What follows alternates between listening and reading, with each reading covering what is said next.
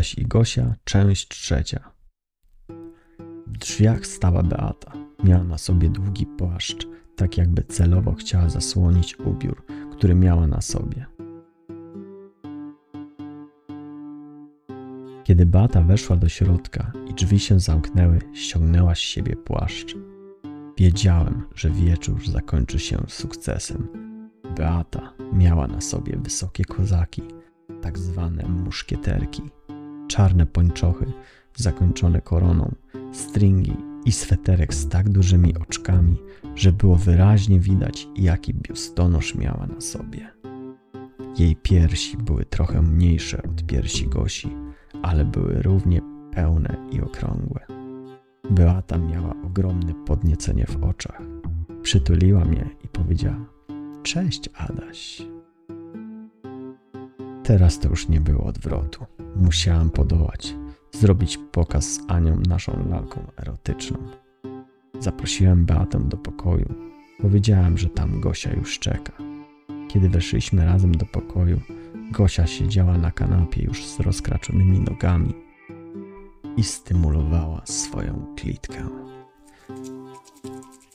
Przyznam, że wtedy pomyślałam, co jest grane, jakie tempo. Beata usiadła obok Gosi i też rozkraczyła nogi. Jej ręka pojechała w dół między nogami i także zaczęła się pieścić. Byłem w szoku. Wiedziałem, że moje marzenia się spełnią. Widok był tak podniecający, ale strach przed tym, że mogę wypaść nie najlepiej w oczach żony i przyjaciółki spowodował, że spiąłem się i nie mogłem postawić masztu. Cały ten stres i podniecenie, ogromny erotyzm powodowało to napięcie. Przecież od 20 lat spałem tylko ze swoją żoną. Co się dzieje, myślałem. Dlaczego? Beata z Gosią widziały, jak byłem zestresowany i że mam mały problem. Wiedziały, że jak ten problem nie zostanie rozwiązany, to wieczór będzie totalną katastrofą. Nie naciskały mnie, bo to by jeszcze bardziej pogorszyło sprawę. Gosia wpadła wtedy na pomysł. Pomogą mi w tym, ale w mało kontaktowy sposób. Związały mi oczy i kazały położyć się na łóżku. Gosia razem z Beatą ściągnęły swoje biustonosze i rozebrały mnie do naga. Obie nachyliły się nade mną i przechyliły się nad moim ciałem.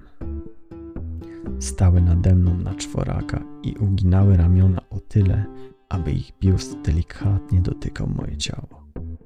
Gosia szybko pobiegła po pachnący olejek i wysmarowały się nim. Leżąc na łóżku, czułem jak piersi dwóch kobiet przesuwają się po moim całym ciele, delikatnie muskując mój tors, uda i penisa. Następnie Gosia wysmarowała ręce olejkiem i zaczęła bawić się moim członkiem. Beata spytała, czy też może się dołączyć. Gosia chwilę zamilkła, ale po chwili odpowiedziała: Chodź, jak stanie na baczności, to jedną ręką nie wystarczy. Mój penis zaczął rosnąć.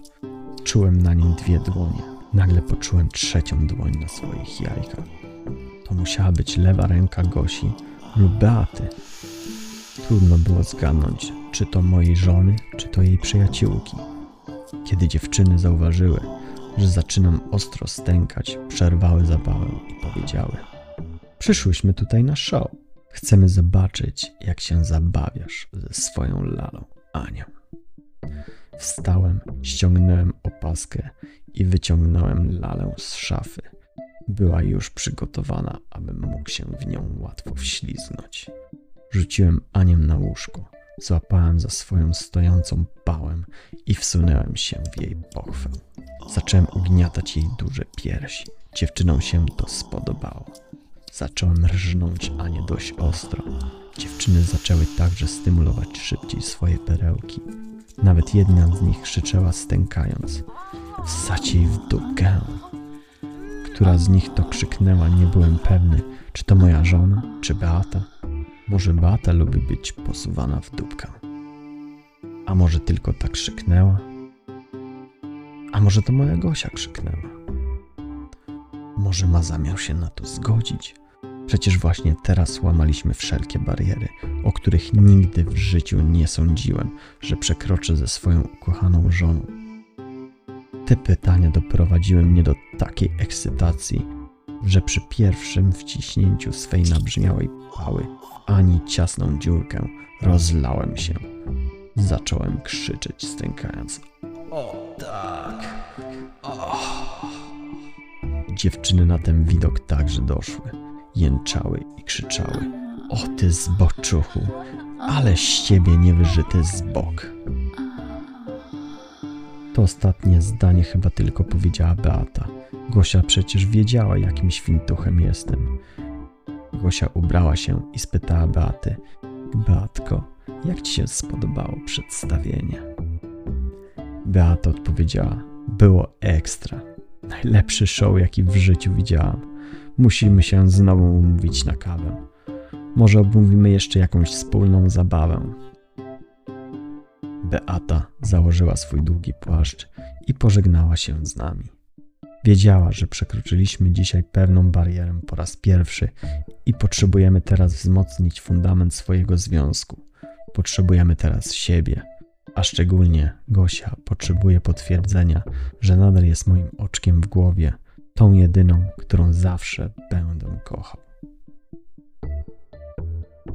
Beata ubrała się i powiedziała: Bardzo mi było miło. Gosiu, odezwij się do mnie. Będę czekać na twój telefon. Buziaczki, kochani. Jeszcze raz, było super. Pa. Za Beatą drzwi się zamknęły i zostaliśmy sami.